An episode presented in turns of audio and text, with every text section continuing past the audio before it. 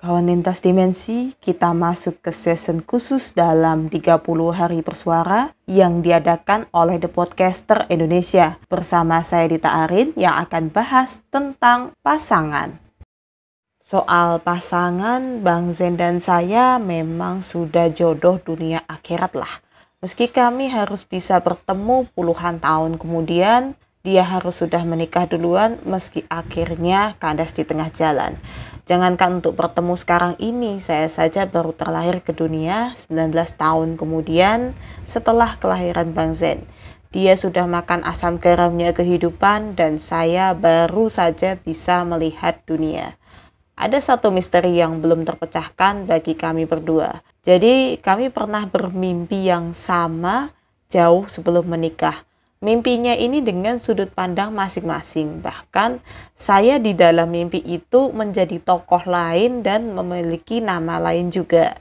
Meski nampak seperti flashback atau ya gak jelas ya, saya sempat ditanggil Tuan Putri oleh sosok berperawakan agak bungkuk dan wajahnya Chinese.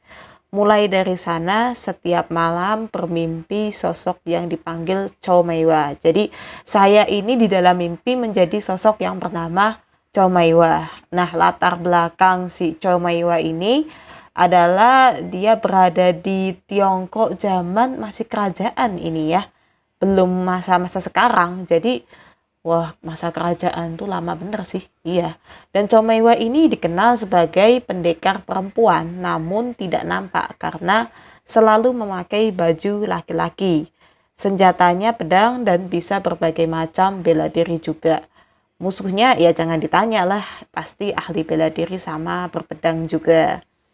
Bang Zen cukup terkejut saat mendengar cerita mimpi saya dia kemudian bercerita juga bahwa dia mimpi dan di dalamnya dia menjadi sosok pendekar pengelana bernama Along Jinpun atau dikenal sebagai Jinpun.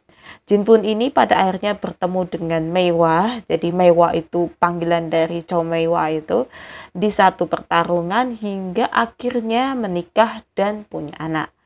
Bagaimana bisa mimpi dua orang berbeda di dua tempat yang berbeda bisa sama dan menjadi karakternya masing-masing, tetapi pada akhirnya bisa disatukan. Dari sini kami mulai mencoba memasang puzzle berupa mimpi ini hingga menjadi satu kesatuan utuh cerita. Konon kata Bang Zen, Chow Maiwa ini ketika di track record ya ke belakangnya atau di retrokognisi dan Along Jin pun juga merupakan kisah nyata. Jadi mereka memang pernah hidup dan pernah ada. Mereka dikenal sebagai pendekar sepasang harimau. Sedangkan Mewa sebelum menikah dikenal sebagai pendekar naga merah. Chow Mewa sendiri adalah seorang putri dari kerajaan yang melihat sendiri bagaimana penderitaan rakyatnya harus membayar pajak berupa upeti, belum lagi mereka tersiksa akibat kelaparan. Karena hasil tani mereka harus mau digunakan untuk anggota kerajaan. Dia diam-diam memberontak, belajar ilmu bela diri, dan terkadang keluar dari istana. Mengubah penampilannya menjadi laki-laki dan membentuk kelompok perampok. Nah, kelompok perampok ini memang ditakuti ya saat itu oleh para prajurit dan lingkungan istana. Tetapi anehnya, perampok ini hanya merampok beras milik petani yang dijarah oleh para prajurit. Jadi, mereka nggak akan mau merampok beras ini kalau masih berada di tangan para petani. Tetapi ketika beras ini mulai diambil oleh para prajurit, di sanalah mereka akan menghabisi para prajurit istana dan mengambil kembali beras itu. Ya, terkadang juga menjarah lumbung padi milik kerajaannya sendiri. Memang tidak ada yang bisa menangkapnya selama ini, bahkan identitasnya pun tidak terungkap. Ya. Sampai akhirnya kerajaan membuat sayembara untuk menangkap Mewa dan kelompok perampoknya ini. Akhirnya Mewa tersudut di satu tempat, di satu waktu setelah sayembara itu di disiarkan ya berarti ya diumumkan atau disiarkan. Nah, dia berhadapan dengan lawan yang seimbang, yang sama perempuannya dengan ilmu berbedang dan bela diri yang imbang juga. Lawannya adalah Mo Yejin yang berdarah Mongol dan menginginkan reward dari kerajaan kalau bisa menangkap mewah dengan membawa bukti berupa kepala mewah yang terpenggal. Hingga akhirnya mewah terdesak dalam pertarungan itu dan muncul pendekar pengelana bernama Long Jinpun. Dua lawan satu harusnya sih ini bisa menang ya, tapi keduanya terjebak pada situasi alam yang mengharuskan terjun ke sungai karena mereka berada tepat di atas tebing dan di situ melangkah sedikit saja sebetulnya mereka sudah jatuh ke sungai. Mereka akhirnya memilih untuk jatuh ke sungai berdua. Dari peristiwa itu, mereka berdua sudah dianggap mati oleh kerajaan, meski masih tanda tanya matinya ke mana karena kan tidak diketemukan jenazahnya. Padahal sebetulnya mereka berdua masih hidup. Tanpa disadari, sebetulnya mereka berdua ini terjun ke sungai yang akan membuat siapa pun menjadi awet muda. Sebetulnya sungai ini sampai dengan sekarang memang masih dicari sungai yang mana karena airnya ini yang dicari oleh orang-orang saat ini terutamanya mereka yang tidak ingin nampak menua. Tapi saya nggak tahu apakah masih berhasiat atau enggak mungkin sungainya masih tetapi bisa jadi airnya sudah tidak berhasiat sama seperti dulu. Memang awalnya Mewa masih marah setelah ditolong oleh Jinbun mereka terjun dan mereka sebetulnya selamat sih. E, sempat menyelamatkan di ini ya pinggir sungai itu juga ya. Si Jinbun ini yang membawa Mewah ke pinggiran sungai dan mereka akhirnya ada di gubuknya si Jinbun tapi ya karena mereka berdua kan akhirnya diburu juga kan. Takut daripada hidup ya harus uh, menyembunyikan diri kan. Lebih baik ya mengasingkan sekalian ya di tengah hutan itu ya akhirnya Jinbun dan Meiwa terpaksa mereka hidup bersama. Itu tadi daripada mereka ketahuan kalau ternyata Meiwa masih hidup dan belum lagi sudah ada yang melihat ya wajah Jinbun seperti apa yang malah justru menolong si Meiwa ini ya otomatis dia juga akan ikut diburu karena melindungi penjahat ya.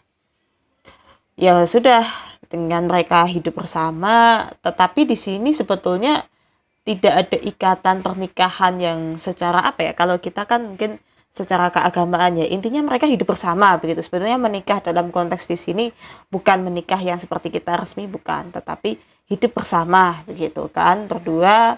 Dan mereka sebetulnya tidak berada di satu tempat. Mereka lebih memilih untuk nomaden. Ini untuk menghindari daripada mereka diburu oleh kerajaan pun sekalinya mereka nomaden, mereka memang tetap menjauhi uh, lingkungan ini ya, pedesaan atau yang ya dekat sekali dengan kerajaan itu paling mereka masih berada di hutan-hutan. Tapi kalau berhubungan dengan masyarakat desa memang sering di dalam cerita Jinbun dan Mewa ini. Ya namanya orang laki-laki dan perempuan tinggal di dalam satu gubuk yang sama ya akhirnya mereka ada rasa saling suka mereka memutuskan untuk hidup yang tidak biasa, tetapi di sanalah mereka menemukan kedamaian ya dalam dirinya, memiliki anak laki-laki dan si Jinbun ini kalau nggak salah pada akhirnya memutuskan untuk menjadi seperti tabib ya atau bagian pengobatan ya karena dia sempat mengobati si Meiwa ini yang kena racun dari Mo Yijin. Jadi pada saat terdesak itu sebetulnya Mo Yijin ini sudah uh, menyemprotkan racun ya berupa panah ke ini ke badan mewah kena sih. Tapi waktu itu hanya sekedar lemes aja dan rupanya jatuh ke sungai itu. Malah sungai itu yang menghilangkan ini kadar ininya ya kadar racunnya. Harusnya kalau sebetulnya kalau nggak di sungai itu mewah sendiri aslinya sudah meninggal juga itu. Ya begitu ya kontes dimensi singkatnya kisah hidup si Jinbun dan Mewa. Nah, untuk ngomong-ngomong soal kok mereka bisa punya anak laki-laki, tetapi anak laki-lakinya ke mana dan yang membantu kelahiran si Mewa ini siapa ada. Jadi kalau kita kenal ya sekarang itu namanya dukun bayi. Kalau dulu dikenalnya kalau di bahasa Indonesia kan itu juru lahir gitu. Nah, si juru lahir inilah yang akhirnya merawat anak si Meiwa dan Jinbun karena mereka takut kalau seandainya ketahuan bahwa identitas si anak ini masih merupakan keturunan Meiwa ya bisa dibunuh kan. Mereka nggak mau kalau itu terjadi. Dan si juru lahir ini sebetulnya belum punya anak sama sekali. Karena memang sampai dengan mereka ini ya eh kok sampai dengan mereka ya? Sampai dengan si juru lahir ini membantu Meiwa melahirkan itu sebetulnya dia masih masih kalau dibilang masih gadis nggak juga karena udah nenek-nenek. Karena udah nenek-nenek ketika membantu melahirkan itu karena saya ada mimpi di scan itu ya. Di bagian itu di mana ada seorang nenek-nenek membantu melahirkan Mewa itu dan ya ternyata itu bayinya laki-laki. Dan si juru lahir ini memang meminta izin untuk ya untuk dirawat saja. Ya sudah memang diizinkan. Jadi selama hidupnya memang Mewa tidak pernah e, merawat anaknya sendiri. Ya itu tadi salah satunya yang ditakutkan adalah kalau ketahuan bisa jadi dibunuh. Itu. Dan anak laki-laki inilah yang kemudian membukukan kisah kedua orang tuanya dalam satu karya sastra. Tetapi saya sempat diperlihatkan satu scan di satu vision di mana karya sastra yang dihasilkan oleh anak Jinbun dan Mewa ini sempat terkenal ya di masa itu. Kalau kata kita tuh istilahnya apa? Diterbitkan ulang gitu atau dikopi ulang atau apa bahasanya ditulis ulang lagi gitu kan. Sampai banyak bukunya tetapi ada pihak kerajaan yang rupanya tahu bahwa ini merupakan kisah si Mewa yang lebih tepatnya kepala perampok saat itu dan mereka berusaha untuk menghapus sejarah itu ya jadi yang saya lihat di vision itu adalah mereka membakar buku-buku itu ditumpuk jadi satu, tetapi ada satu buku yang tidak terbakar. Jadi buku itu sebetulnya adalah manuskrip yang asli. Dan kenapa dia tidak terbakar? Hebatnya adalah karena di dalamnya ada darah dari ibu si anak ini ya. Maksudnya si laki-laki ini alias darahnya Mehwa. Jadi kayak diikat gitu buku itu sehingga tidak bisa dihancurkan dengan cara apa pun. Itu menurut vision yang saya lihat ya saat itu.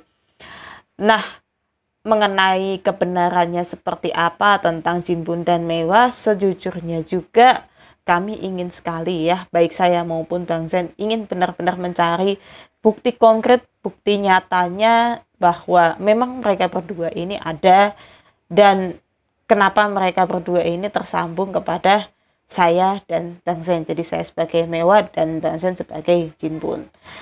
Tapi kalau di ini, kalau di kisah yang sering kita dimimpikan itu ya masalahnya begini ya, itu terpotong gitu. Jadi kita mau menyusun ulang cerita itu yang ditakutkan pertama tentu akan jatuhnya cerita fiksi.